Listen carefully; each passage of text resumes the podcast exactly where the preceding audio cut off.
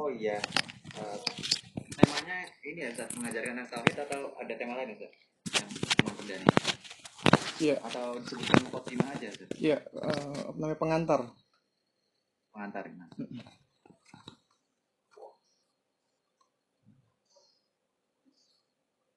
Bismillah, anak mulai ya, Seth? Iya. Yeah. عليه آياتنا قال أساطير الأولين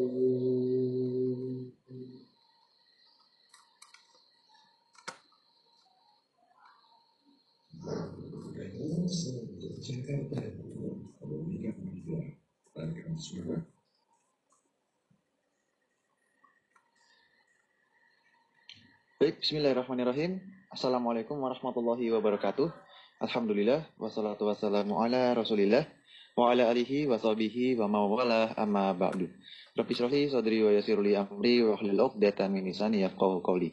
Sobat muslim, para pendengar setia Radio Muslim Jogja di mana pun antum berada, rahimani wa rahimakumullah, azani Allah wa iyyakum jami'an. Alhamdulillah, segala puji dan syukur kita ucapkan kepada Allah Subhanahu wa taala atas limpahan rahmat dan karunia-Nya bagi kita semua. Sehingga pada kesempatan pagi hari yang berbahagia ini kita kembali dipertemukan oleh Allah. Tentunya masih bersama kami, bersama radio kesayangan kita bersama, Radio Muslim Jogja, memurnikan akidah, menebarkan sunnah.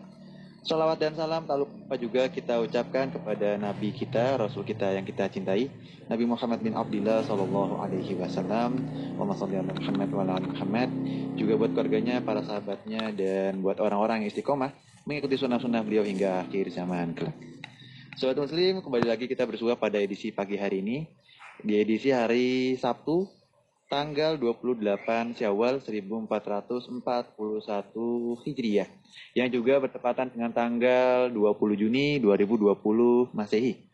Ya insya Allah pada kesempatan pagi hari yang berbahagia ini, seperti yang sudah Yusuf informasikan pada salam sapa sahabatku, bahwa sesaat lagi kita akan mengikuti program acara khas Dana Islam kajian parenting Islam bersama Ustaduna Abu Salma Muhammad Hafizullah Ta'ala. Yang mana pada kesempatan pagi hari ini kita dalam pembahasan kitab baru ya.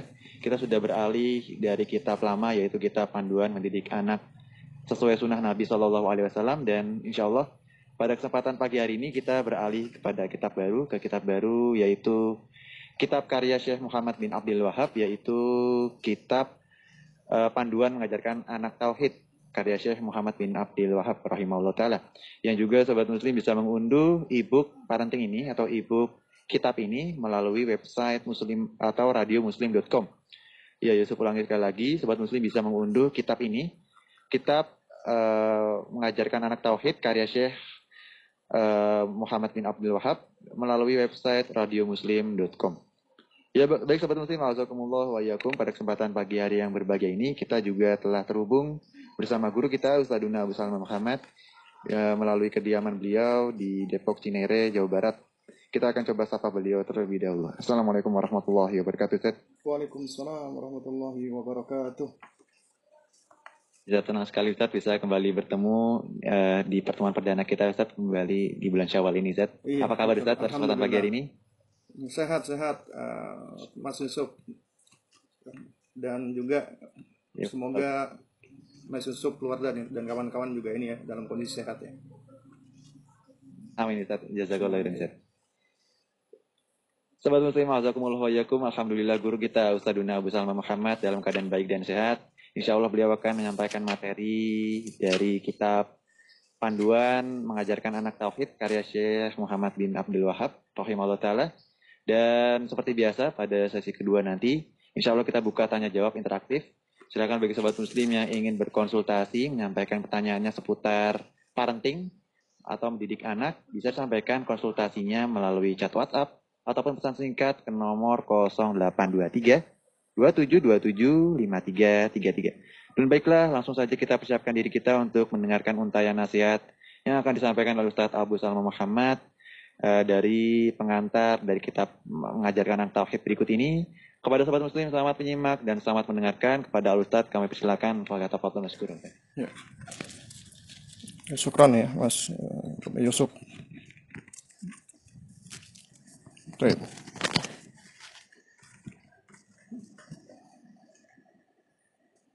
Bismillah.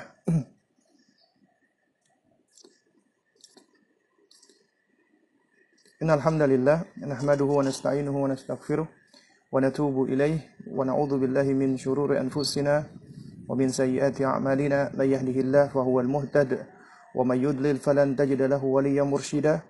أشهد أن لا إله إلا الله وحده لا شريك له وأشهد أن محمدا عبده ورسوله. لا نبي بعده أما بعد. فإن أصدق الكلام كلام الله وأحسن الهدى هدى محمد صلى الله عليه وسلم.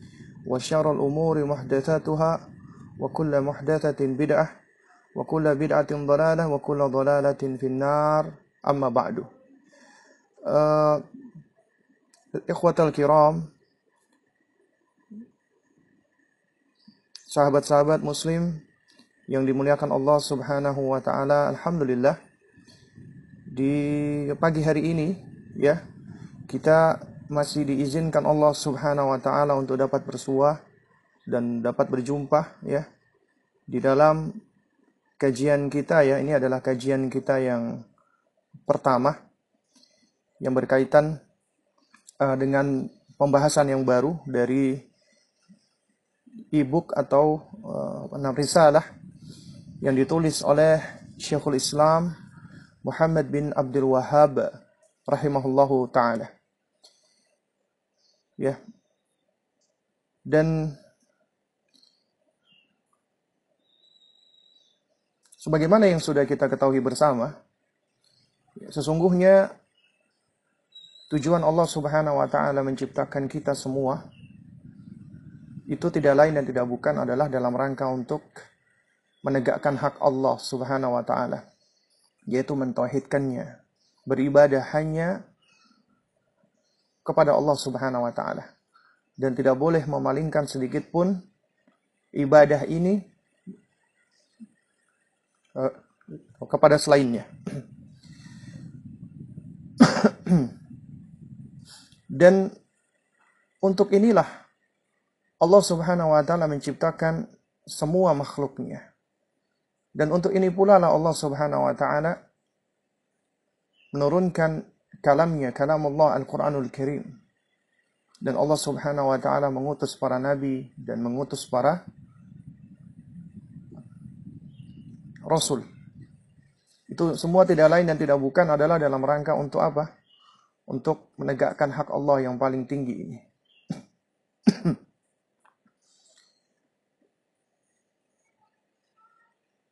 Sahabat muslim yang dimuliakan Allah subhanahu wa ta'ala. Kita sebagai manusia, Allah karuniakan kepada kita berbagai macam kenikmatan-kenikmatan. Karunia Allah begitu luasnya, begitu banyaknya, kita nggak sanggup untuk bisa menghitungnya. Sementara di sisi lain, Allah Subhanahu wa Ta'ala juga memberikan ujian bagi kita untuk melihat siapa di antara kita yang benar-benar jujur di dalam mengimani Allah Subhanahu wa Ta'ala, siapa yang benar-benar mau bersyukur kepada Allah Subhanahu wa taala atas semua nikmat dan karunia yang Allah berikan ini. Dan bagi mereka-mereka yang tulus dan jujur di dalam keimanannya, yang senantiasa bersyukur kepada Allah Subhanahu wa taala di antaranya dengan cara beribadah, menegakkan segala bentuk peribadatan hanya untuk Allah Subhanahu wa taala, maka Allah akan balas dan balasan Allah adalah jauh lebih baik daripada apa pun yang ada di muka bumi ini ataupun ya jauh lebih baik dari segala hal. Dan di sisi lain, siapa yang malah kufur, tidak mau beriman, tidak tidak mau berterima kasih, tidak mau mengapresiasi semua apa yang Allah karuniakan malah lalai dan melupakan, meninggalkan dan menyombongkan diri, maka Allah akan balas sesuai dengan keadilannya. Allah akan berikan balasan sesuai dengan keadilan Allah Subhanahu wa taala. Apa yang layak untuk orang-orang atau manusia atau makhluk itu. Nah, oleh karena itulah para aba dan para ummahat yang dimuliakan Allah Subhanahu wa taala, sahabat-sahabat muslim yang kami cintai karena Allah Subhanahu wa taala. Inilah pentingnya bagi kita untuk bisa mengingat kembali dan memahami untuk apa kita semua ini diciptakan Allah Subhanahu wa taala. Dan demikian pula ketika Allah Azza wa Jalla mengamanatkan dan menitipkan anak-anak kita. Ya. Itu semua tidak lain dan tidak bukan adalah agar kita mempersiapkan mereka agar bisa menjadi sosok yang menegakkan hak Allah yang paling tinggi yaitu beribadah hanya kepada Allah semata, mentauhidkan Allah Subhanahu wa taala.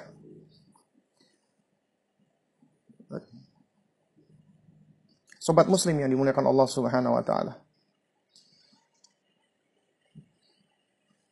Buku ataupun kutayib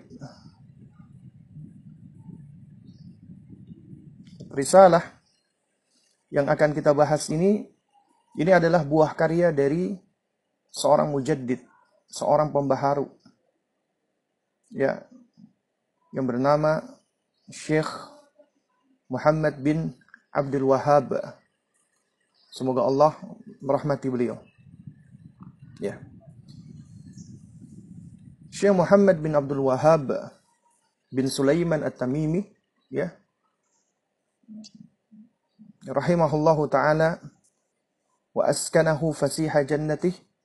Beliau lahir di kota Uyainah pada tahun 1115 Hijri. Ya, 1115 Hijriyah. Dan wafat di Dar'iyah pada tahun 1206 Hijriyah. Beliau adalah di antara manusia-manusia yang Allah Subhanahu wa taala takdirkan, tentukan dan Allah pilih ya sebagai salah satu mujaddid di zaman itu. Ya.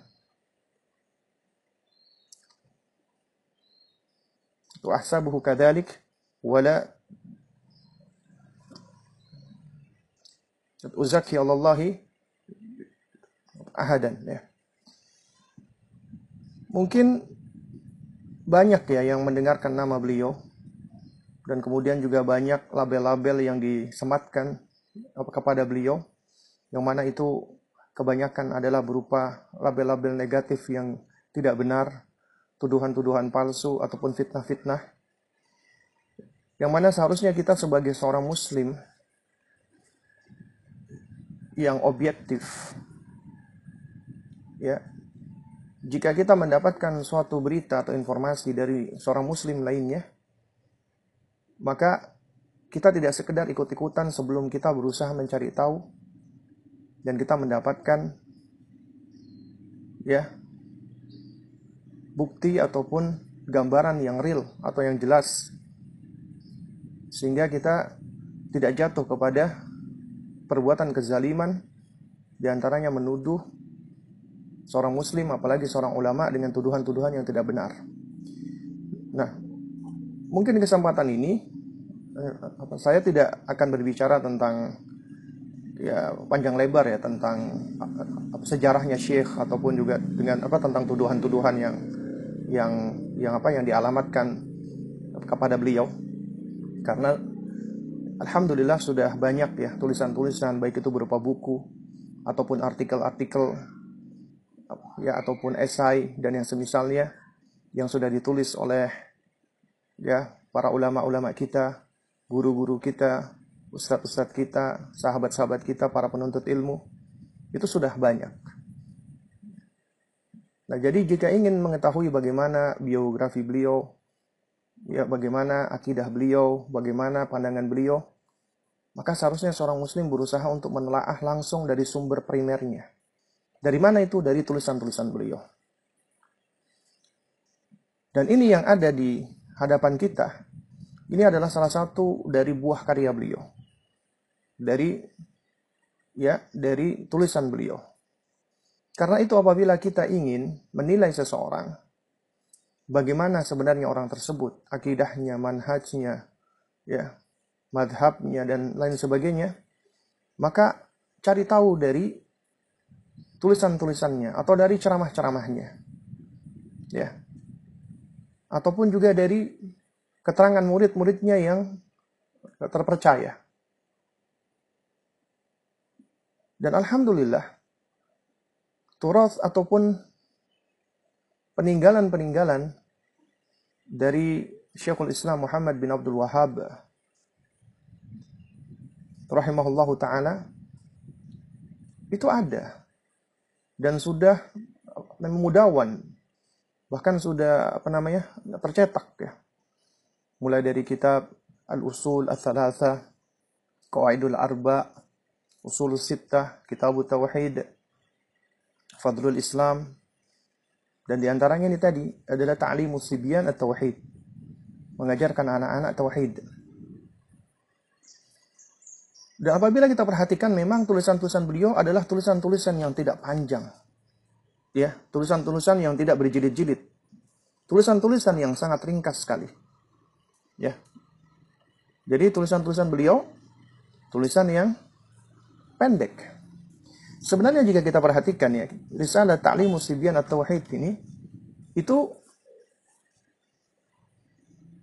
isinya kurang lebih hampir sama ya dengan kitab atau kutayib atau risalah yang beliau tulis yang berjudul Thalathatul Usul wa Adillatuha. Ya. Thalathatul Usul wa Adillatuha. Tiga prinsip dan dalil-dalilnya. Tiga pokok di dalam agama beserta dalil-dalilnya. Dan kalau kita perhatikan sebenarnya risalah beliau ini itu mungkin kita lebih banyak mengenal dengan nama al-usul al-thalathah. Ya, al-usul al-thalathah. Tapi sebenarnya, kalau kita perhatikan, itu di dalam muqaddimah, Syekh sendiri, penulis sendiri, yaitu Syekhul Islam Muhammad bin Abdul Wahab, beliau memberikan nama risalah tersebut dengan nama Thalathatul Usul wa Adillatuha. Dan risalah ini sebenarnya sedikit lebih tebal, sedikit lebih banyak isinya, karena ini ditujukan oleh syekh untuk para penuntut ilmu, untuk para tulabil ilm. Sedangkan al-usul al-thalatha, ya, ini sebagaimana diterangkan oleh sejumlah masyayikh, di antara salah satu cucu beliau, cicit beliau di zaman ini, yaitu Syekh Saleh bin Abdul Aziz al-Syekh. Ya, maka al-usul al-thalatha ini adalah salah satu bagian risalah yang terdapat di dalam risalah salah satu usul ya. Jadi isinya lebih ringkas dan ini sebenarnya lebih ditujukan untuk orang awam dan anak-anak. Nah, sebagian peneliti ataupun para sebagian para penuntut ilmu dan para ulama mereka menganggap bahwasanya risalah ta'limus sibyan at-tauhid ini sebenarnya juga merupakan bagian dari ya kutayib atau risalah salah satu usul wa adillatuha. Ya, namun memang sengaja ditujukan hal ini untuk siapa? Untuk anak-anak, ya. Untuk anak-anak. Dan apabila kita perhatikan itu buah karya ataupun hasil goresan tangan dari Syekhul Islam Muhammad bin Abdul Wahab rahimahullahu taala itu memiliki keistimewaan. Istimewa. Kenapa? Kok dikatakan istimewa? Karena siapa pun yang membaca risalah-risalah beliau dengan hati yang bersih, dengan objektivitas, dengan akal yang sehat, insya Allah dia akan mendapati bahwasanya risalah-risalah yang beliau tulis itu adalah risalah yang sesuai dengan fitrah dan sesuai dengan Islam. Dan bahasa beliau adalah bahasa yang mudah dipahami.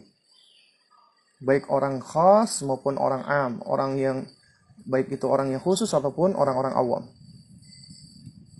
Jadi ketika beliau menyusun di antaranya risalah beliau ini Ta'limus Sibyan At-Tauhid ya.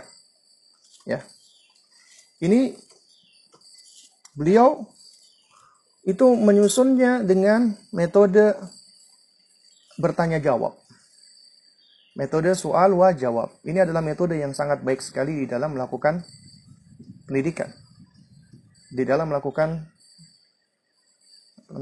pengajaran.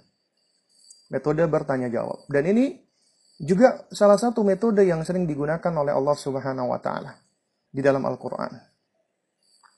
Al-qari'atu mal qari'ah wa ma adraka mal qari'ah. Allah sering kali menggunakan uslub yang seperti ini. Al-qari'ah, tahukah kamu apakah al-qari'ah itu? Ya.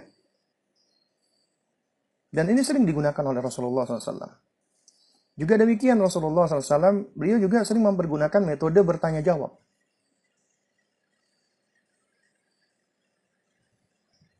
Dan di antara metode Nabi ketika bertanya jawab, Nabi biasa bertanya, ya, itu dalam rangka untuk melakukan apa namanya pengajaran, pendidikan.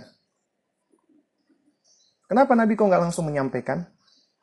Karena ketika seseorang, ketika dia hendak mengajar dengan melakukan metode tanya jawab, itu biasanya akan lebih menarik perhatian orang yang akan diajar atau yang akan dididik. Dan di dalam metode Nabi itu mengandung kesempurnaan yang luar biasa.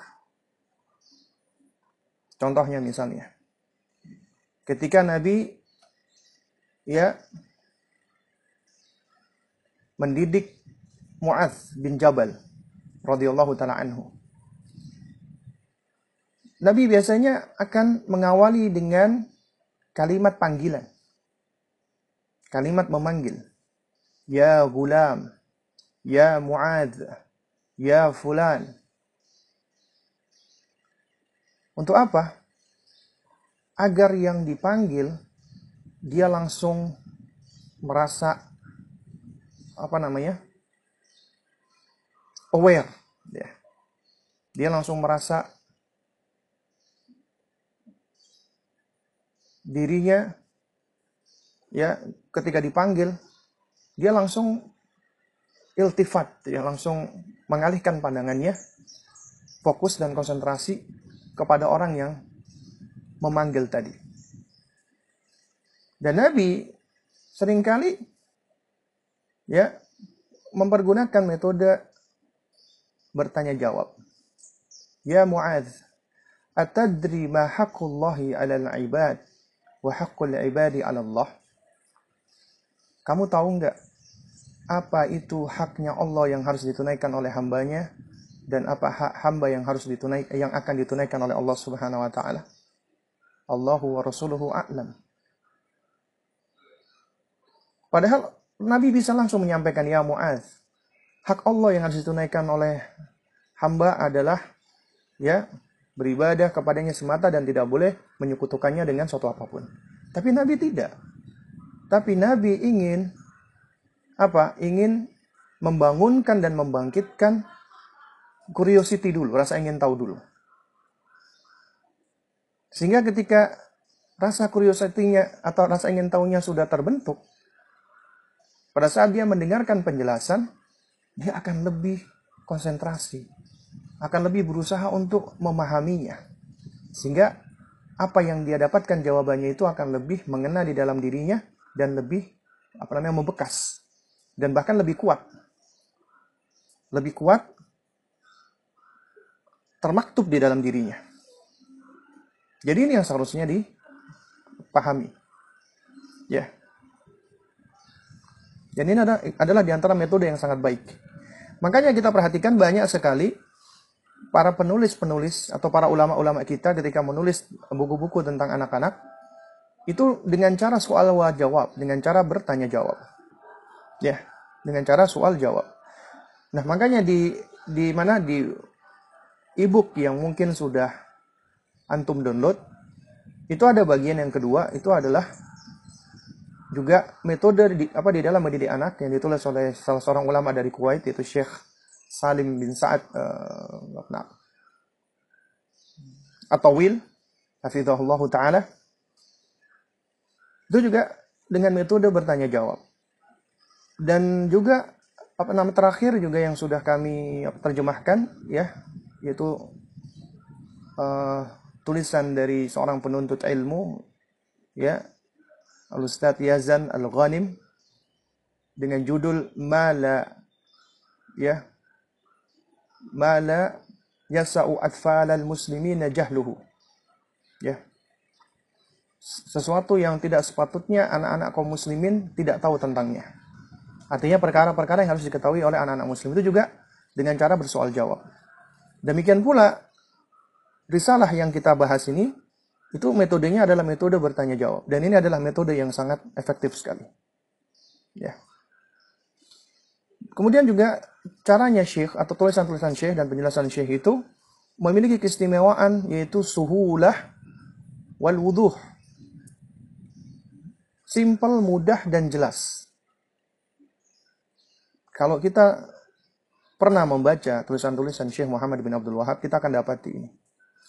Kemudian juga ya tulisan-tulisan beliau itu selalu diiringi dengan dalil ya. Jadi makrunah bil hujaji wad dalail. Selalu diikuti dan diiringi dengan dalil wad dalilu qauluhu ta'ala wad dalilu qauluhu ta'ala bagi yang sering ataupun biasa mempelajari tulisan-tulisan Syekh, beliau akan apa akan mendapati seperti itu. Kemudian juga sistematis ya. Berurutan. Tapi ringkas dan padat. Dan kemudian biasanya yang dibahas oleh Syekh itu adalah perkara-perkara yang memang penting, yang wajib diketahui oleh setiap muslim. Ya. Nah, Kalau di, kalau misalnya ditanya, ya, apa sih manfaatnya kita mempelajari uh, buku ini ya misalnya buku Ta'lim Muslibian atau Tauhid ini misalnya, ya. Jadi sebagaimana sudah kita bahas di awal tadi ya, dan ini juga harus sudah kita sepakati. Kalau ditanya apa sih tujuan anda semua itu mendidik anak-anak Anda? Untuk apa sih Anda ini mendidik anak-anak Anda? Maka tentunya ya jawaban kita itu haruslah jawaban yang memang berasal dari dalil-dalil Al-Quran dan Sunnah yang jelas, yang terang, dan yang kuat yang sudah diterangkan oleh Allah Subhanahu wa taala. Yaitu apa? Yaitu kalau kita memang jelaskan secara panjang lebar, memang banyak para ulama dan para ahli pendidikan ketika menyebutkan tujuan-tujuan pendidikan, tujuan-tujuan kita mendidik apa anak-anak kita, itu memang dengan lafat dan redaksi yang berbeda-beda.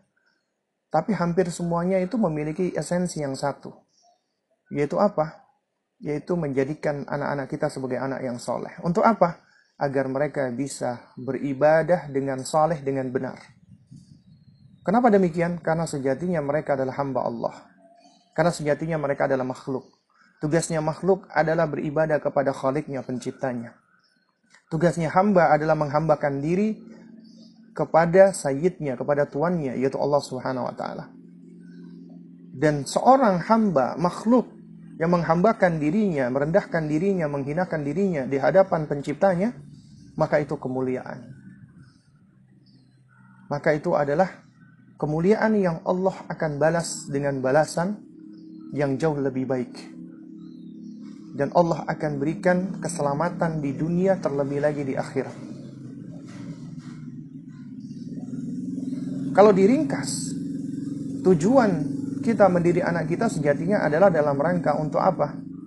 Untuk i'dad mempersiapkan ya abnaina anak-anak kita dalam rangka untuk melaksanakan tujuan mereka diciptakan Allah. Yaitu apa? Beribadah kepada Allah. Dan Allah Maha baik. Allah Subhanahu wa taala itu sangat baik sekali. Di antara kebaikan Allah Subhanahu wa taala adalah apa? Adalah Allah Azza wa Jalla tidak serta-merta langsung membebani makhluknya manusia untuk langsung beribadah, tidak. Tapi Allah berikan kesempatan. Makanya Allah ciptakan manusia itu pun bertahap-tahap berkembang ada fase-fasenya. Hingga sampai di suatu fase di mana hamba itu siap untuk menerima taklif beban syariat dari Allah dalam rangka untuk menegakkan kewajiban-kewajibannya. Yaitu ketika sudah balik. Selama belum balik, maka dia berada di bawah tanggung jawab orang tuanya. Artinya anak-anak kita itu yang masih belum balik, itu berada di bawah tanggung jawab kita sebagai orang tua. Allah titipkan kepada kita agar kita persiapkan anak kita untuk bisa menjadi hamba Allah, beribadah kepada Allah. Dan siapa di antara kita para orang tua yang melaksanakan amanat yang Allah berikan, kita jaga amanat tersebut, maka Allah akan berikan balasan yang jauh-jauh jauh lebih baik lagi. Allah akan jadikan anak kita tersebut sebagai investasi yang tak lekang masa akan senantiasa mengalirkan pahala untuk kita meskipun kita sudah berkalang tanah. Akan tetap terus mengalir pundi-pundi pahala untuk kita. Demikian pula apabila kita lalai, kita abai, kita menelantarkan, kita cuek, nggak mau ngurusin, kita khianat mengkhianati Allah, tidak mau mendidik anak-anak kita dengan sebenar-benarnya, maka dia bisa menjadi musuh buat kita. Kelak dia bisa menjadi musuh yang akan meminta pertanggungjawaban kita. Dan apabila kita dari semenjak kecilnya tidak pernah mendidik mereka dengan sebenar-benarnya, sejatinya kita telah mendurhakai anak-anak kita. Dan jangan heran apabila dia tumbuh menjadi anak yang durhaka terhadap orang tuanya. Kenapa? Karena sebagaimana kata ya Khalifah Umar ibn Khattab radhiyallahu taala anhu ya dan kisah ini di, apa, uh, termaktub di dalam risalah yang sudah kita bahas di pertemuan kajian kita yang sudah usai apa tempo lalu yaitu tarbiyatul aulad fi dhil kitabi wa sunnah ketika ada seorang laki-laki yang mengadukan tentang betapa durhakanya anaknya. Kemudian ternyata dipanggil oleh Umar radhiyallahu taala anhu dinasehati anaknya bertanya ya Amirul Mukminin ya wahai Amirul Mukminin hal lil waladi haqqun? Ya. Ala walidihi apakah seorang anak itu punya hak yang harus ditunaikan oleh ayahnya? Iya. Ada apa itu?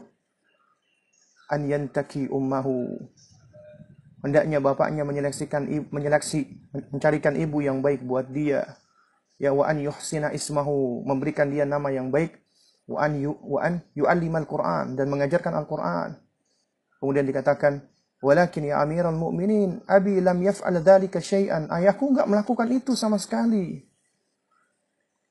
Ya. Ummi zanjiyah majus. Ibuku adalah seorang wanita berkulit hitam, budaknya majusi.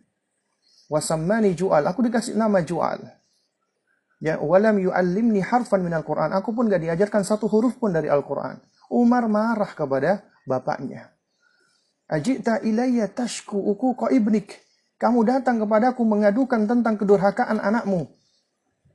Waqad tahu qabla an yu'aqqaka. Padahal kamu sudah mendurhakai anakmu sebelum kamu didurhakai. Al jaza min jinsil amal. Balasan sesuai dengan jenis amalan. Maka sebagaimana Anda menanam, maka itu yang akan Anda tunai. Dan sebagaimana Anda mendidik, maka itulah yang akan Anda petik, yang akan Anda ambil dari hasil didikan tersebut. Tapi memang semua hasil di tangan Allah. Ketika kita mendidik itu adalah bagian ikhtiar kita. Akhdul asbab, mengambil sebab-sebab agar kita supaya bisa mendapatkan anak yang soleh. Tetap hasilnya di tangan Allah Subhanahu wa taala. Kita hanya bisa berusaha, selebihnya kita serahkan Allah. Allah hanya melihat upaya kita, ikhtiar kita. Allah nggak melihat hasilnya. Hasil di tangan Allah. Apabila kita sudah berupaya dengan semaksimal mungkin untuk mendidik anak kita dengan sebaik-baiknya, tapi anak kita tidak sebagaimana yang kita harapkan, maka Allah tahu kok. Ya, Allah Maha Adil. Allah tetap akan berikan kebaikan bagi orang tuanya yang sudah bersusah payah mendidik anaknya, meskipun anaknya akhirnya tidak sebagaimana yang diharapkan. Itu ujian dari Allah. Allah ingin menguji dengan anak seperti ini. Sebagaimana Nabi Nuh alaihissalam. Nabi yang paling penyabar 950 tahun ya Ya. Sampai Nabi Nuh mengatakan, Wahai Rabbku, da'autu qaumi laila wa nahar. Aku mendakwai kaumku siang dan malam termasuk keluargaku. 950 tahun. Tapi putranya Kanaan tidak mengimani beliau. termasuk orang yang kafir. Allah uji beliau. Tapi tetap Allah muliakan Nabi Nuh alaihissalam. Ya. Yang penting tugas kita adalah berusaha, ikhtiar. Allah ini mengamanatkan anak itu untuk kita. Maka kita jaga amanah tersebut. Gak boleh kita abaikan, gak boleh kita sia-siakan. Selama kita berusaha, Allah tahu. Kita berupaya, yang dinilai oleh Allah upaya kita, amalan kita. Tapi ternyata, kita nggak akan bisa berusaha dengan benar, mengambil sebab dengan benar, apabila kita nggak tahu cara-caranya. Makanya di antara cara-caranya adalah kita harus belajar. Mencari ilmunya. Mencari knowledge atau pengetahuan tentangnya. Belajar. Menuntut ilmu. Kemudian baru dipraktekkan, diamalkan ilmu tersebut. Gak bisa kita mempraktekkan sesuatu yang kita nggak punya ilmunya. Akan tersesat kita. Dan gak bisa pula kita cuma belajar menjadi wacana gak kita praktekkan. Gak ada manfaatnya. Malah kita bisa dimurkai Allah subhanahu wa ta'ala sebagaimana orang-orang Yahudi. Maka kita wajib untuk mencari ilmunya.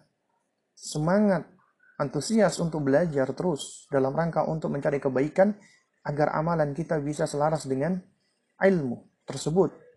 Kemudian kita amalkan ilmu tersebut. Baru kemudian kita ajarkan. Mengajarkan ilmu itu merupakan bagian daripada konsekuensi kecintaan kita kepada orang lain. Kalau kita cinta sama anak kita, tentu kita menginginkan kebaikan buat anak kita. Sehingga kebaikan yang kita ketahui harus kita tularkan, harus kita ajarkan, sampaikan kepada mereka. Dan setiap kali kita mengajarkan kepada mereka, masalah paling Simpel aja. Kita ajarkan mereka misalnya mengucapkan lafzul jalalah Allah, Allah. Anak akhirnya bisa mengucapkan Allah setiap kali dia melafalkan lafaz Allah Subhanahu wa taala. Maka jangan dikira itu suatu hal yang tidak berguna. Ya, bisa jadi setiap kali anak-anak kita itu mengucapkan lafal ini, maka setiap kali itu pula kita mendapatkan pahala. Lantas sebagaimana kalau kita ajarkan Bismillahirrahmanirrahim. Adab-adab mau makan misalnya, adab mau keluar rumah, adab ini. Ya, di mana setiap kali dia mengucapkan basmalah, bertabaruk dengan nama Allah, mencari berkah dengan nama Allah, kita sudah mengajarkan adab pertama kali sebelum lainnya. Adab kepada penciptanya Allah. Mendahulukan nama Allah sebelum berbuat atau melakukan sesuatu. Orang tua yang memiliki ilmu, kemudian dia bersabar mengajarkan ilmunya, ter, ya, dia sabar untuk untuk untuk mentransfer adab-adabnya dan kemudian diikuti dan dicontoh oleh anak-anaknya, maka setiap kali anak itu mengikuti kebaikan, maka setiap kali itu pula kita akan mendapatkan pahala-pahala kebaikan. Allah titipkan kepada kita. Kita memang sulit anak kita ujian, ya, kadang-kadang kita pun mengalami kesulitan demi kesulitan, tapi semakin kesulit, tapi semakin kita mendapatkan kesulitan, namun apabila kita hadapi dengan sabar, mengharap balasan dari Allah, maka Allah nggak sia-siakan itu semua. Apa pun yang kita lakukan karena Allah Subhanahu wa taala, maka itu insya Allah akan membuahkan berbagai macam kebaikan-kebaikan. Nah karena itulah para abah dan para ummahat, sahabat-sahabat muslim yang dimuliakan Allah subhanahu wa ta'ala. Ya, inilah pentingnya kita untuk terus belajar. Kemudian agar kita bisa mengamalkan apa yang kita pelajari tadi. Baru kemudian kita bisa ajarkan. Dan yang gak kalah penting adalah kita bersabar. Ya, bersabar kemudian kita tawakal kepada Allah. Kita serahkan semuanya kepada Allah subhanahu wa ta'ala. Ya.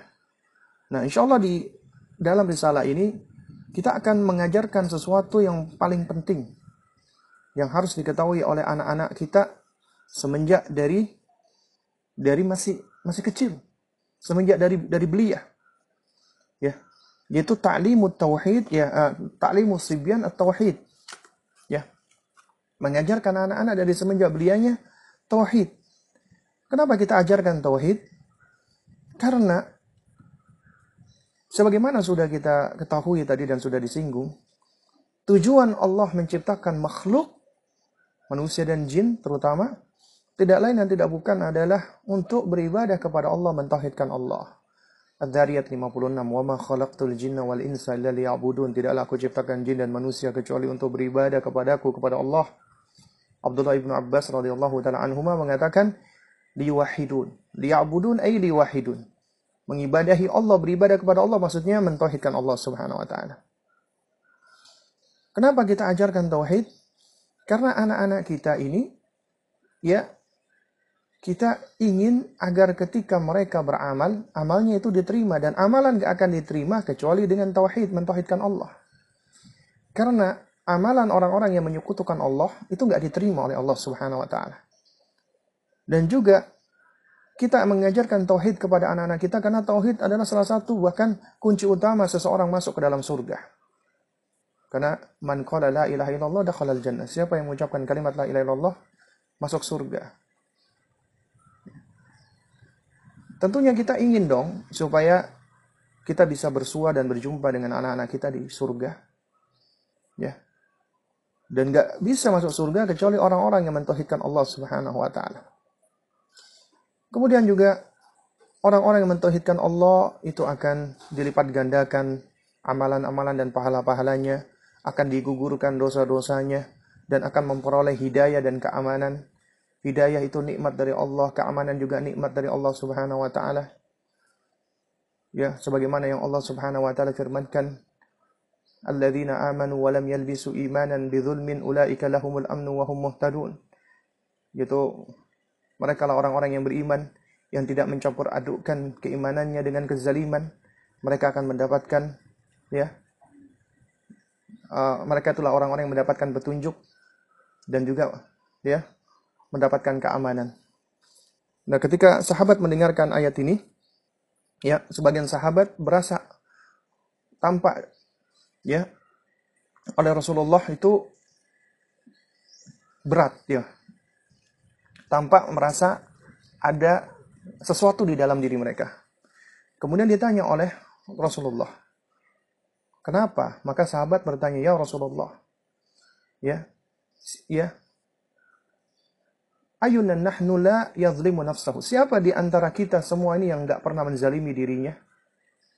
Karena ayat itu mengatakan, ya, walam yalbisu imanahum bidzulmin. Orang-orang yang tidak mencampur adukkan keimanannya dengan kezaliman. Jadi dipikir sahabat, kezaliman di sini adalah makna zalim. Ya, kayak bermaksiat itu termasuk kezaliman, menzalimi diri sendiri. Nah ini menunjukkan betapa tawaduknya sahabat. Dan betapa mereka memang manusia biasa. Dikatakan, siapa di antara kita ya Rasulullah tidak pernah menzalimi diri kita sendiri. Sehingga ini membuat mereka menjadi sedih. Ya. Lalu kemudian di, apa dijelaskan oleh, oleh Rasulullah SAW. Ya, yang dimaksud dengan kezaliman ini adalah tidak sebagaimana yang kalian kalian pikirkan.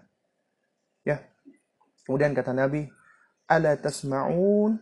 Ya maqala Luqman libnihi.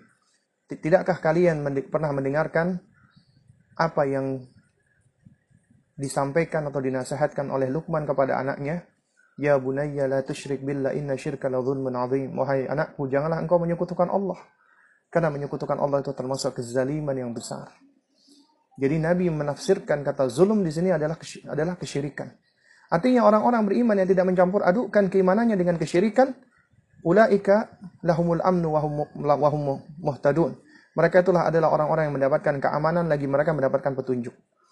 Keamanan di dunia dan di akhirat. Keamanan di dunia maka dia mendapatkan ketentraman, ketenangan, kedamaian, nikmat dari Allah. Tidak ada satupun di muka bumi ini hamba atau manusia yang paling tenang, paling damai kecuali orang-orang yang beriman kepada Allah. Muwahhidun. Orang-orang yang mentauhidkan Allah, dan tauhidnya adalah tauhid yang benar. Mengimani Allah dengan keimanan yang benar, nggak akan gelisah hidupnya. Nggak akan takut hidupnya. Dia akan mendapatkan ketenangan yang Allah berikan kepadanya.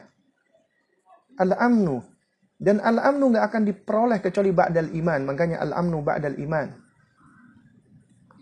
Keamanan itu diperoleh setelah ke, ke, apa keimanan. Tidak mungkin Anda mendapatkan keamanan tanpa diawali dengan keimanan. pun seandainya Anda dapat itu cuman keamanan semu sementara saja, tetap hati Anda akan gelisah. Tapi ketika hati seorang hamba itu terikat dengan Rabbnya, ya, selalu terkait dengan Rabbnya, penciptanya, khaliknya, maka akan tenang hati tersebut.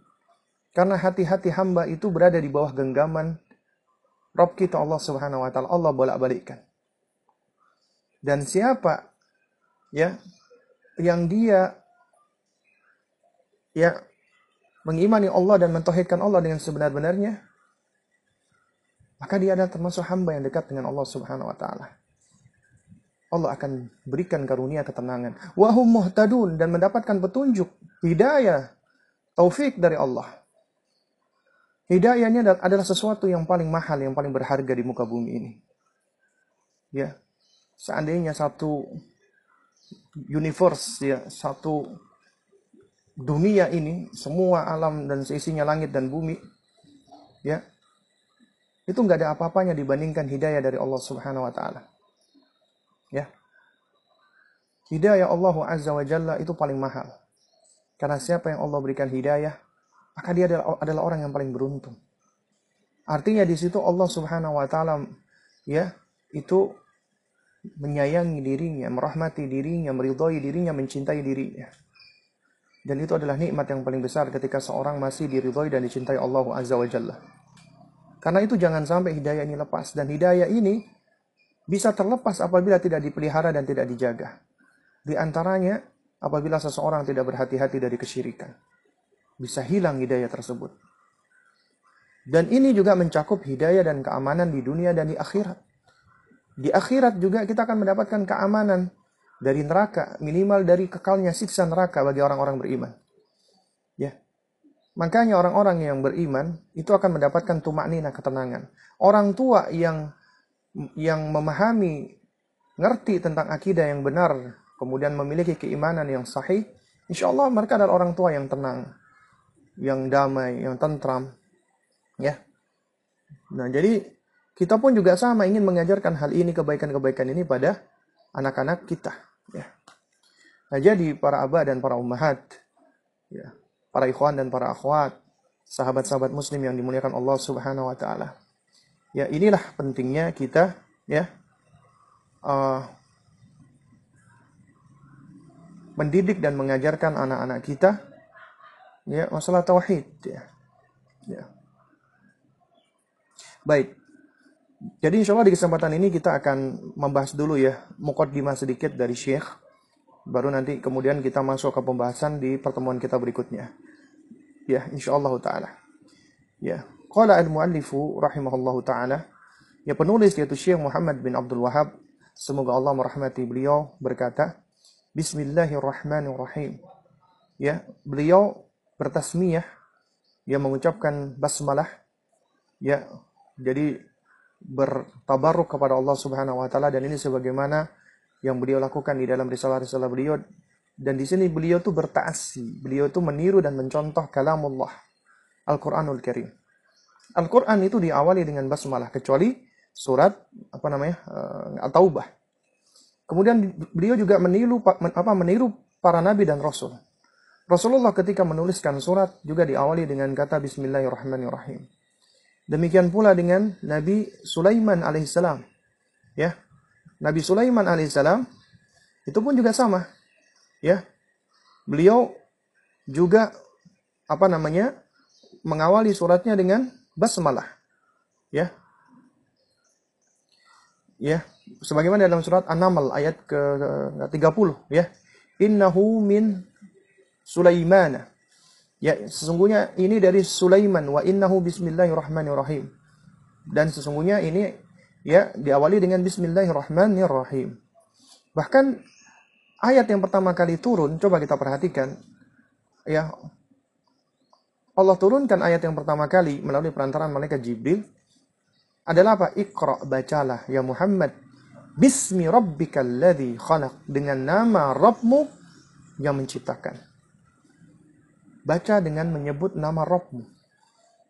Ternyata kita dianjurkan untuk mengawali segala sesuatu dengan menyebut nama Rabb kita. Ini adalah adab tarbawi, adab pendidikan yang tinggi yang Allah ajarkan pertama kali kepada umat ini.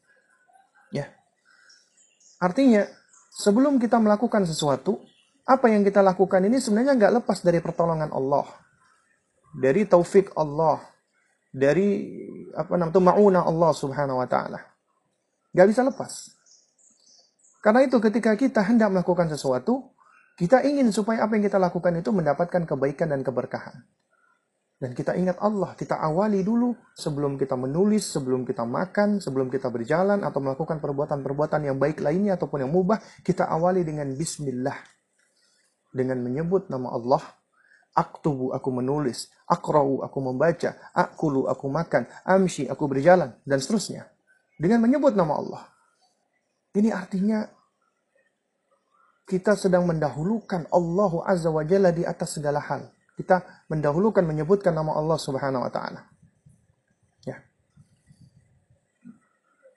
Dan ini ya menunjukkan bahwasanya dengan namanya hendaknya kita memulai segala sesuatu yang baik ataupun yang mubah. Dengan namanya hendaknya setiap gerakan-gerakan yang kita lakukan ya itu kita gerakan atau kita jalankan. Dan dengan namanya setiap perkataan hendaknya kita ucapkan. Semua dengan namanya Allah Subhanahu wa taala.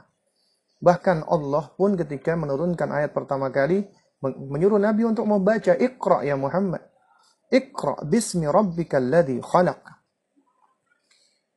Di dalam surat Hud misalnya Nabi Nuh alaihissalam ya ketika beliau memerintahkan untuk naik di atas perahu ya apa apa ucapan beliau? Wa qala Nuh pun berkata, "Irkabu fiha."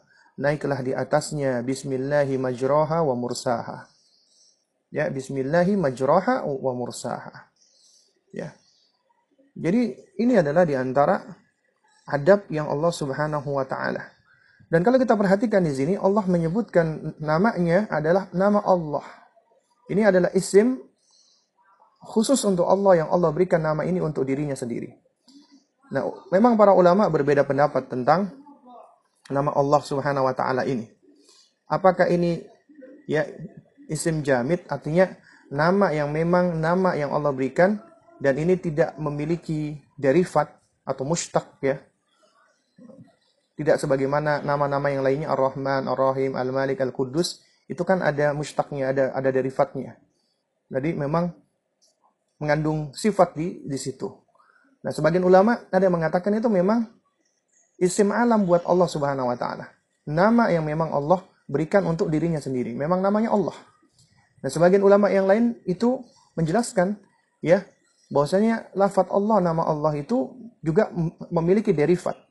Ya, juga memiliki turunan kata. Itu dari kata ilah. Dari kata al-ma'luh. Ya, yakni ya zat yang disembah, zat yang diibadahi. Nah, jadi al-ilah itu adalah al-ma'luh, artinya al-ma'bud yang disembah. Jadi Allah Subhanahu wa taala itu adalah zat yang paling benar untuk disembah. Artinya di sini ternyata kita sudah ya menetapkan tauhid yang utama yang penting yaitu tauhid yang mana Allah Subhanahu wa taala menciptakan makhluknya, menurunkan para nabi dan rasul dan menurunkan Al-Qur'anul Karim yaitu tauhid uluhiyah. Al-uluhiyah. Ya. Nah. Jadi ketika kita menyebutkan nama Allah artinya kita menyebut dengan nama Allah yang mana Allah itu adalah satu-satunya zat yang paling benar, paling hak untuk disembah. Ya. Dan di situ tujuannya adalah dalam rangka kita mengambil keberkahan dari nama Allah. Ngalap berkah istilahnya kata orang Jawa. Dengan nama Allah Subhanahu wa taala tersebut. Ya. Kemudian juga tujuannya adalah untuk apa namanya? Uh, apa namanya? Hasrul maksud, yang membatasi maksud kita. Jadi tujuan kita, maksud kita di dalam melakukan perbuatan itu tidak lain dan tidak bukan adalah untuk Allah dan karena Allah Subhanahu wa taala. Jadi di sini ketika kita mengucapkan bismillah yaitu mengajarkan adab tertinggi kita dan anak kita apabila kita ajarkan kepada mereka yaitu menjadikan Allah adalah sebagai yang pertama kali disebutkan sebelum kita ngapa-ngapain. Sebelum kita melakukan apa pun. Allah yang disebutkan. Dan ini juga menunjukkan pengagungan, ta'zim, kecintaan, mahabbah, pengharapan, roja, ya, permohonan, as-su'al wa du'a, namanya per, pertolongan, isti'anah, perlindungan, isti'adah kepada Allah. Karena ketika kita menyebutkan nama Bismillah dengan nama Allah, artinya kita mengagungkan Allah. Kita mencintai Allah. Kita mengharapkan balasan dari Allah. Kita memohon hanya kepada Allah. Kita meminta tolong hanya kepada Allah. Kita memohon perlindungan hanya kepada Allah. Ini artinya menunjukkan ya esensi daripada uluhiyah. Di dalam kalimat Bismillah ini. Ya, kemudian Allah sematkan untuk dirinya nama dan sifat Ar-Rahman Ar-Rahim. Ya. Ar-Rahman Ar-Rahim. Ar-Rahman adalah sifat khusus bagi Allah.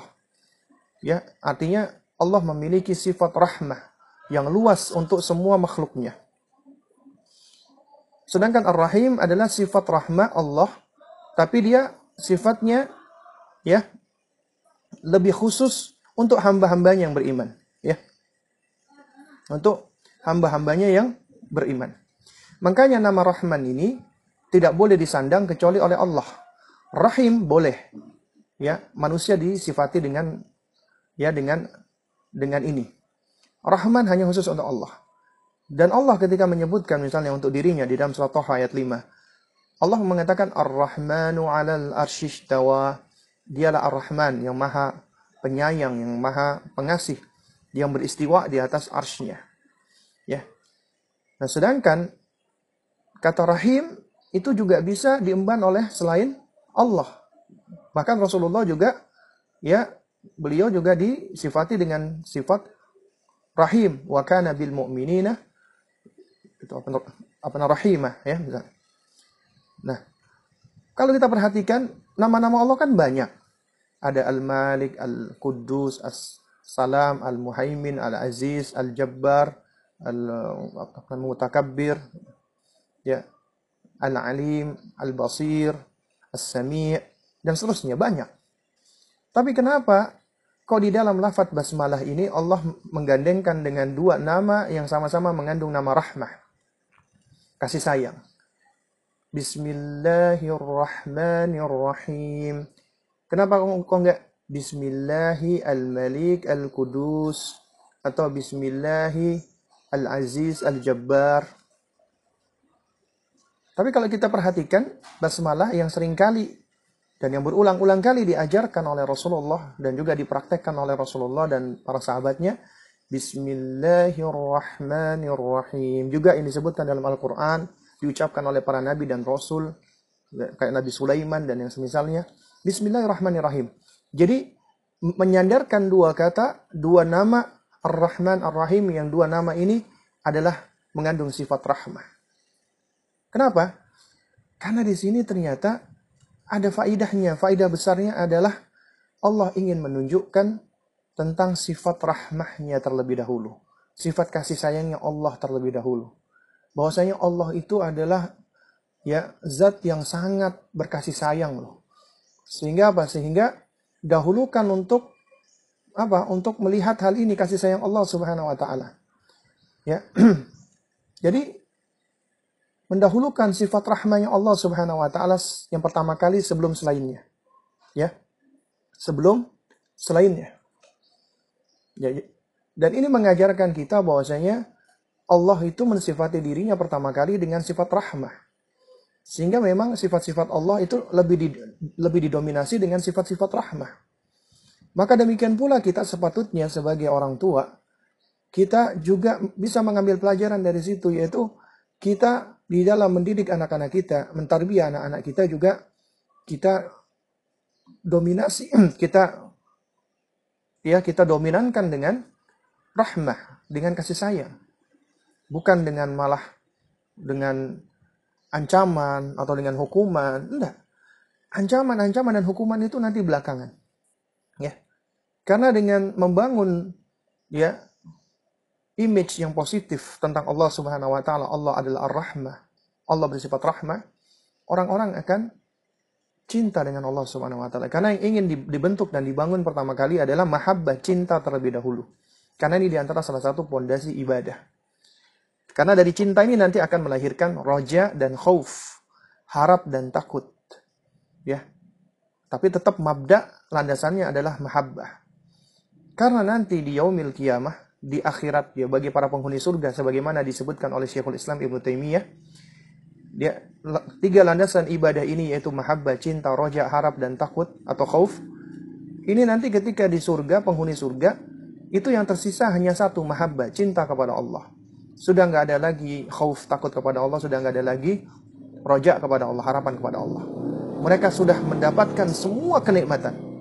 Sudah sudah tidak lagi mengharapkan apa pun dari Allah. Tapi yang tersisa adalah semakin cinta kepada Allah.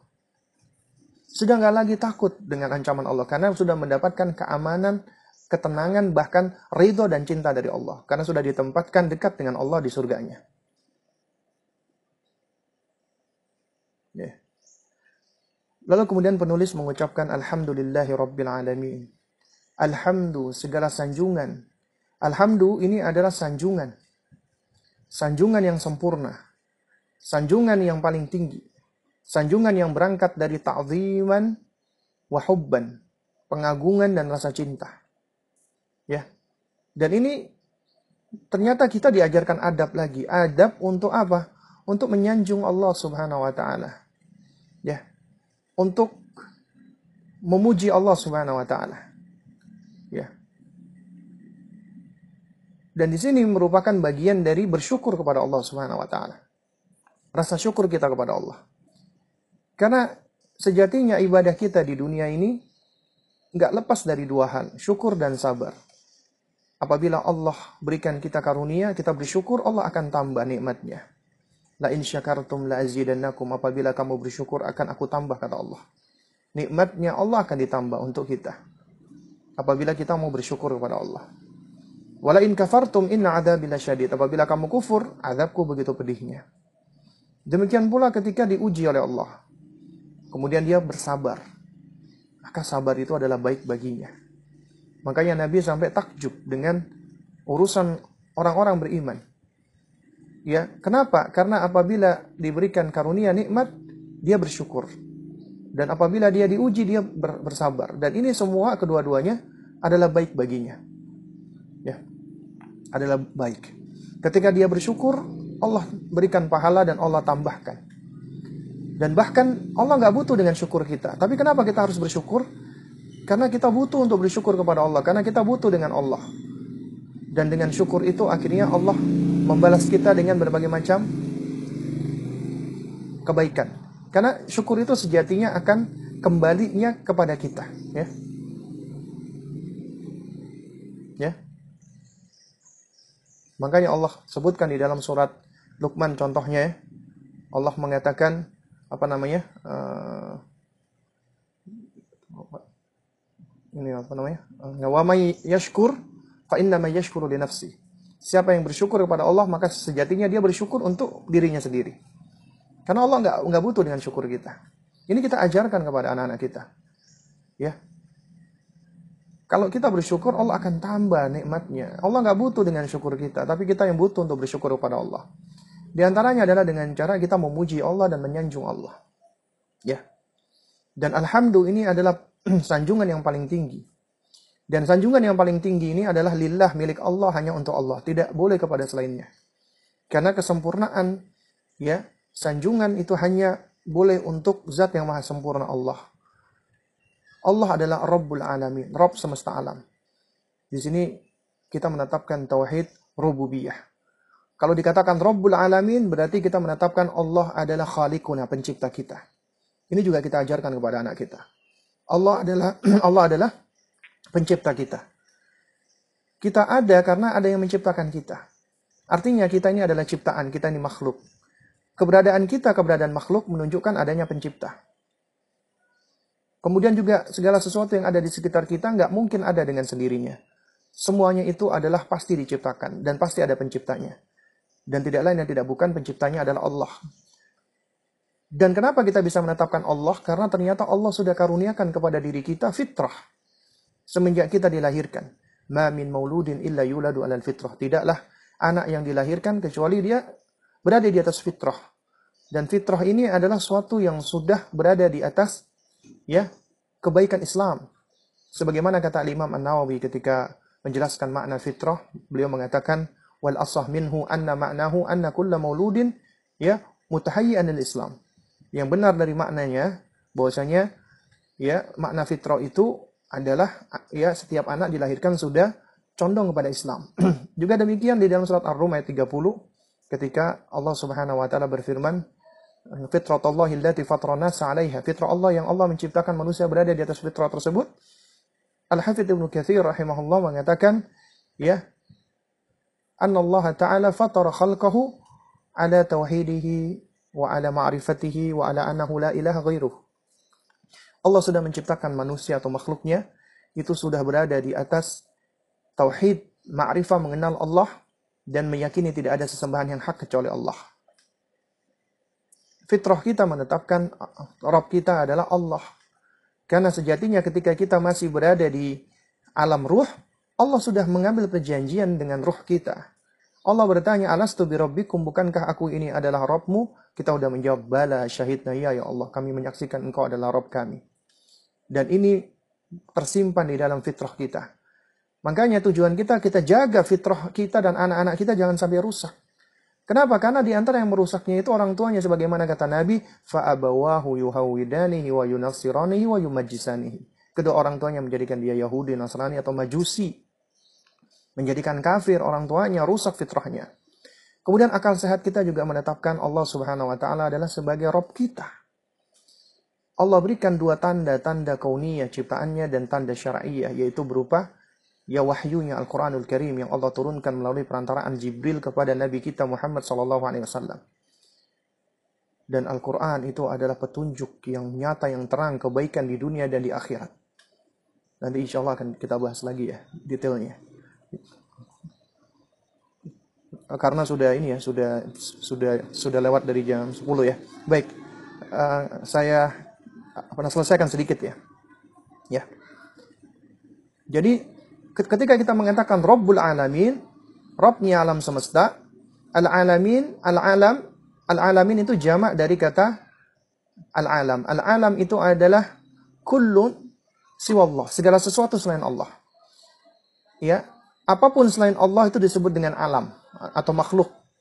Ya, sama maknanya. Segala sesuatu selain Allah itu disebut dengan al-alam. Ya, atau al-makhluqat. Karena yang ada cuma dua, khalik dan makhluk. Pencipta yang diciptakan. Ya, ya.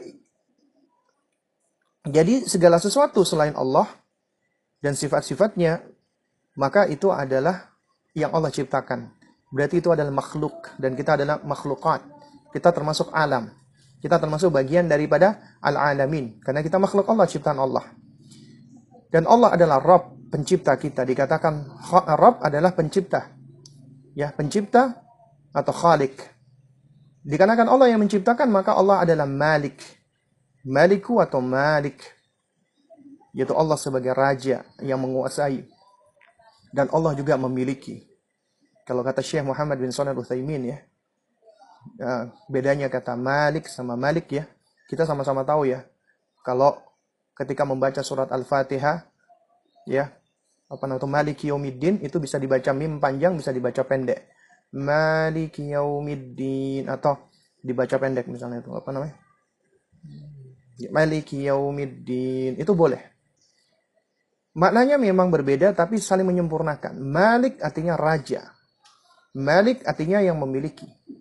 Kalau kita perhatikan ya ini faidah dari Syekh Utsaimin betapa banyak orang-orang yang berkuasa punya kekuasaan raja presiden tapi ternyata dia nggak memiliki. Tanahnya bukan tanahnya dia. Rumahnya bukan rumahnya dia. Ya. Tapi punyanya orang lain yang cuma dititipkan untuk dia tempati sementara. Ternyata dia tidak menjadi pemilik, tidak serta-merta raja itu menjadi pemilik.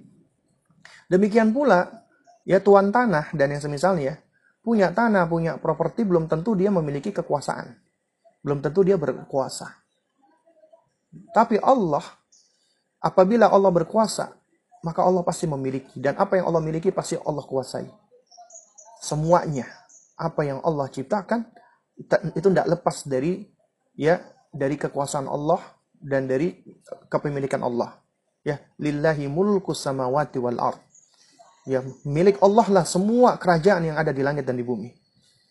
Makanya ketika dikatakan Maliki Yaumiddin atau Maliki Yaumiddin, Allah adalah raja di hari pembalasan. Ya. Kenapa dikatakan Maliki Yaumiddin? Kok dikatakan cuma raja di hari pembalasan? Apakah Allah tidak menjadi raja di dunia? Allah tetap menjadi raja di dunia. Raja di raja di, di dunia. Ya.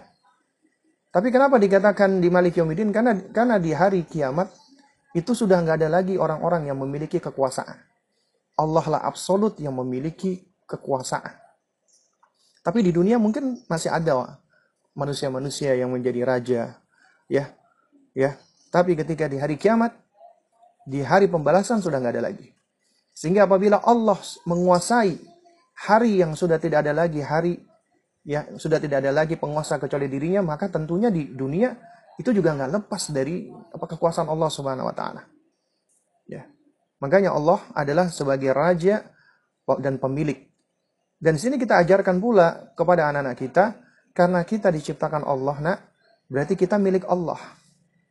Makanya ketika ada yang hilang atau ada yang meninggal, kita me- mengucapkan istirja inna lillahi wa inna ilaihi rajiun. Sesungguhnya kita milik Allah dan kepada Allah lah kita akan kembali. Ya, kita akan kembalinya kepada Allah Subhanahu wa taala. Ya. Dan juga sama, yang menciptakan mata kamu siapa Allah, menciptakan telinga kamu siapa Allah, menciptakan mulut kamu siapa Allah. Itu milik Allah berarti, harus kita jaga. Gak boleh kita gunakan pemberian Allah ini untuk hal-hal yang diharamkan Allah. Gak boleh melihat sembarangan, gak boleh mendengarkan musik, gak boleh ngomong kotor. Ini konsekuensi daripada kita mengajarkan bahwasanya semua milik Allah. Artinya Allah titipkan kepada kita semuanya. Kita nggak punya apa-apa loh. Apa yang kita miliki? Nggak ada. Nggak punya apa-apa. Allah baik sama kita. Allah berikan itu semua kepada kita. Dan juga baru kemudian ya makna Rob adalah di dalam tadbir atau Allah al-mudabbir. Allah yang mengatur. Rezeki Allah yang mengatur. Hidup dan mati Allah yang mengatur. Usia, ajal Allah yang mengatur. Semuanya Allah yang mengatur. Matahari, bulan, ya, kemudian bintang dan lain sebagainya. Semuanya bergerak sesuai dengan orbitnya. Itu Allah yang mengatur semuanya. Semuanya berada di tangan Allah. Allah yang mengatur dengan begitu sempurnanya. Sehingga kita meyakini semuanya itu sudah berada di di bawah kekuasaan Allah Subhanahu wa taala. Nah, dengan kita mengajarkan ini mungkin kita baru belajar ya bismillahirrahmanirrahim sama alhamdulillahirabbil alamin itu sudah banyak pelajaran yang yang sudah bisa kita petik dan kita ambil di dalam pendidikan tauhid buat anak-anak kita. Baik ya ini dikarenakan waktu ya karena sudah pukul setengah sebelas ya. Jadi mungkin ini ini dulu yang dapat saya sampaikan nanti insya Allah di pekan depan kita akan lanjutkan untuk melanjutkan uh, kajian kita membahas kitab Ta'lim Muslibian atau Tauhid. Insya Allah kita akan bahas pelan-pelan saja ya. Jadi nggak usah kita ngejar-ngejar karena ini risalahnya singkat, pendek banget ya. Tidak panjang. Tapi ke- kemungkinan besar penjelasannya yang yang yang membutuhkan penjelasan yang agak panjang. Ya. Baik mungkin ini yang dapat saya sampaikan uh, Mas uh, Yusuf ya. Mungkin ada pertanyaan ataupun ada ada uh, soal ya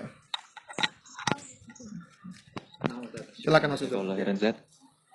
Atas penyampaian, ya, nah Ustaz, syukuran jazakallah khairan Ustaz atas penyampaian materi kajiannya. Di kesempatan sesi pertama ini Ustaz, kita langsung bacakan saja Ustaz pertanyaan yang sudah masuk dari Sobat Muslim Ustaz.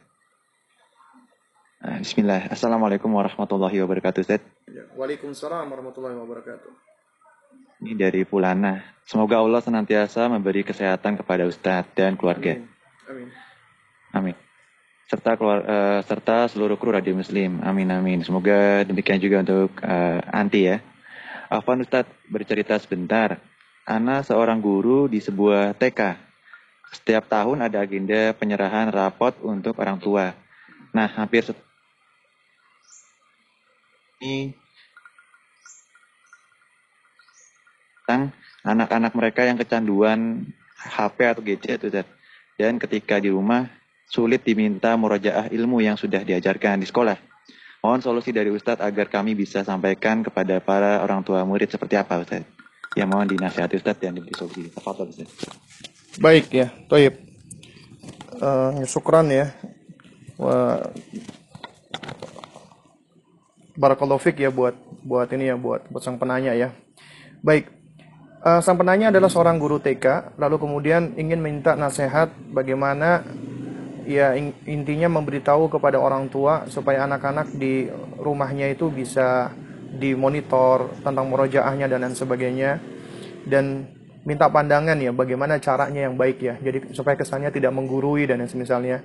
Baik yang perlu kita pahami bersama adalah lembaga sekolahan apalagi usia dini itu kita harus memperbaiki mind- mindset dulu dan ini juga harus melibatkan yayasan atau pemilik sekolah untuk apa sih tujuannya mendirikan sekolah itu apalagi sekolah anak usia dini mindset yang harus dibentuk adalah anak-anak usia dini itu sebenarnya yang paling utama dan pertama dan yang paling wajib untuk mendidik dan mengajari mereka itu adalah orang tuanya, bukan guru-guru TK-nya, guru-guru usia dininya bukan, tapi orang tuanya. Itu konsep pertama, mindset pertama. Ya. Nah, tapi mungkin orang tuanya memiliki keterbatasan. Ya, sehingga dia butuh bantuan. Boleh kita bermitra, berpartner dengan orang-orang lain di antaranya lembaga sekolah guru-gurunya, tapi perhatikan anak dijadikan sebagai eh guru maksud saya guru itu dijadikan sebagai mitra partnernya orang tua di dalam mendidik anak bukan menjadi tempat penitipan anak ya sehingga semuanya diserahkan kepada gurunya sedangkan di rumah akhirnya anak dibiarkan ini suatu konsep yang keliru. Karena itu makanya sekolahan harus memfasilitasi ya supaya yang namanya partnership atau kemitraan ini bisa berjalan. Yaitu dengan memfasilitasi adanya kajian-kajian parenting buat mereka para orang tua.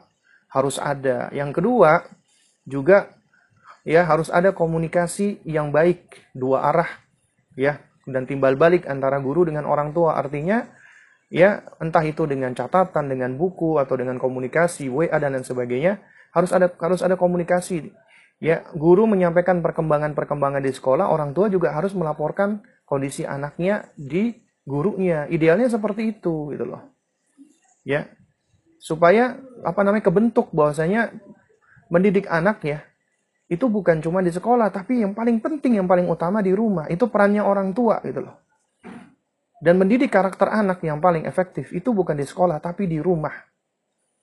Nah karena itu ini perkara-perkara yang harus bisa disampaikan kepada lembaga sekolah atau yayasan. Kemudian yang ketiga bagi sang guru tadi dia boleh bahkan baik untuk menjalin komunikasi dengan para orang tua. Ya dalam rangka untuk apa? Untuk ya sama-sama kita kita mendidik anak-anak tersebut anak itu adalah anak didik daripada guru-guru tadi. Tapi mereka adalah anaknya orang tuanya. Amanat Allah kepada orang tuanya. Ya. Nah sehingga kita boleh memberikan arahan-arahan. Arahan itu bisa kita sampaikan by lisan atau tulisan. Misalnya begini. Ya bikin semacam uh, jurnal anak-anak ya. Jurnal harian atau uh, report ya. Report entah harian atau dui harian ya tapi yang lebih baik harian. Ya itu dijelaskan ya. Misalnya apa Ananda hari ini di sekolah ya. Misalnya hal-hal yang baiknya apa. Kemudian ada hal-hal misalnya yang penting untuk disampaikan. Hari ini Ananda ber- bersedih hari ini An- Ananda sedang ini. Itu perlu untuk disampaikan. Kemudian baru disampaikan ada semacam apa namanya remark ya. Masukan buat orang tua dan kemudian saran apa yang perlu dilakukan oleh orang tua ini perlu. Ya lalu kemudian nanti dari dari situ orang tua itu diharuskan untuk membaca dan setiap hari mengembalikan buku tersebut dan juga memberikan uh, catatan-catatan juga. Ya Ananda di di rumah begini. Jadi itu suatu hal yang perlu dilakukan karena ag- agar ada komunikasi apalagi ini anak-anak usia dini gitu loh. Ya. Nah jadi yang namanya menyampaikan kepada orang tua bukan teri, apa cuman pas keteri, apa ketika apa rapotan jadi terima rapot baru kemudian kita ngomong kita kita sampaikan tidak ya jadi terima rapot ini adalah hanya sebagai salah satu laporan mungkin uh, ketika di akhir semester dari program pendidikan tersebut. Ya. Tapi laporan ini bukanlah laporan yang bisa menggambarkan semua kondisi gitu loh.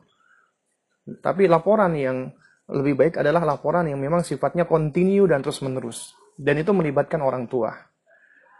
Lalu kemudian yang keempat adalah sebagai guru kita tempatkan kita ini bukan sebagai pesuruhnya orang tua, bukan. Tapi kita adalah partnernya, mitranya mereka. Karena itu tempatkan diri Anda sebagai seorang mitra, sebagai partner. Ketika Anda menempatkan diri Anda sebagai seorang mitra, sebagai seorang partner, ya maka Anda nggak perlu khawatir dan takut untuk apa takut untuk menggurui dan yang semisalnya enggak gitu.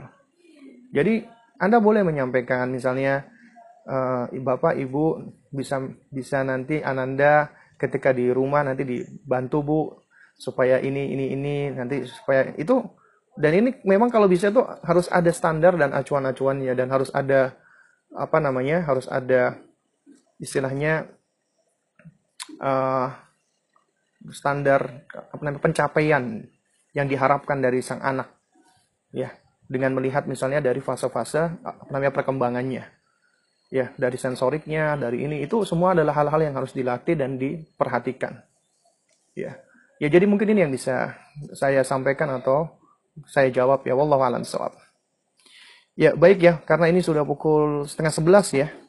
Jadi sepertinya kita sudah sudah melewati waktu ya.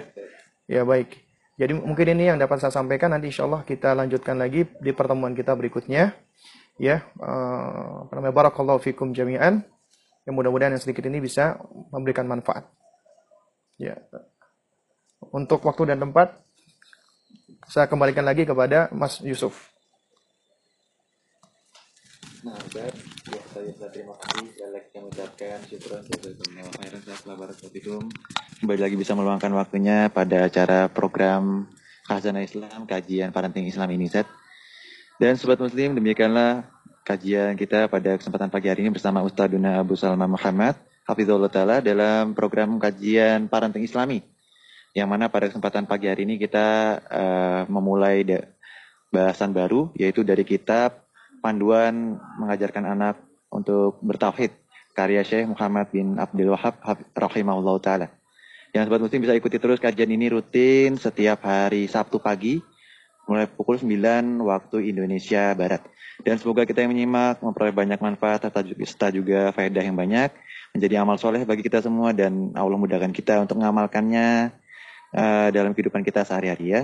Dan sobat muslim, sebelum kami tutup program acara Khazanah Islam pada kesempatan pagi hari ini, kami informasikan kembali bahwa insya Allah pada malam hari nanti akan hadir uh, kajian konsultasi seputar hukum keluarga bersama Ustadz Aris Munandar mulai pukul 20 waktu Indonesia Barat dan Sobat Muslim bisa berkonsultasi terkait permasalahan keluarga ke nomor 0823 2727 5333. Bisa disampaikan konsultasi dan pertanyaannya mulai dari sekarang ya.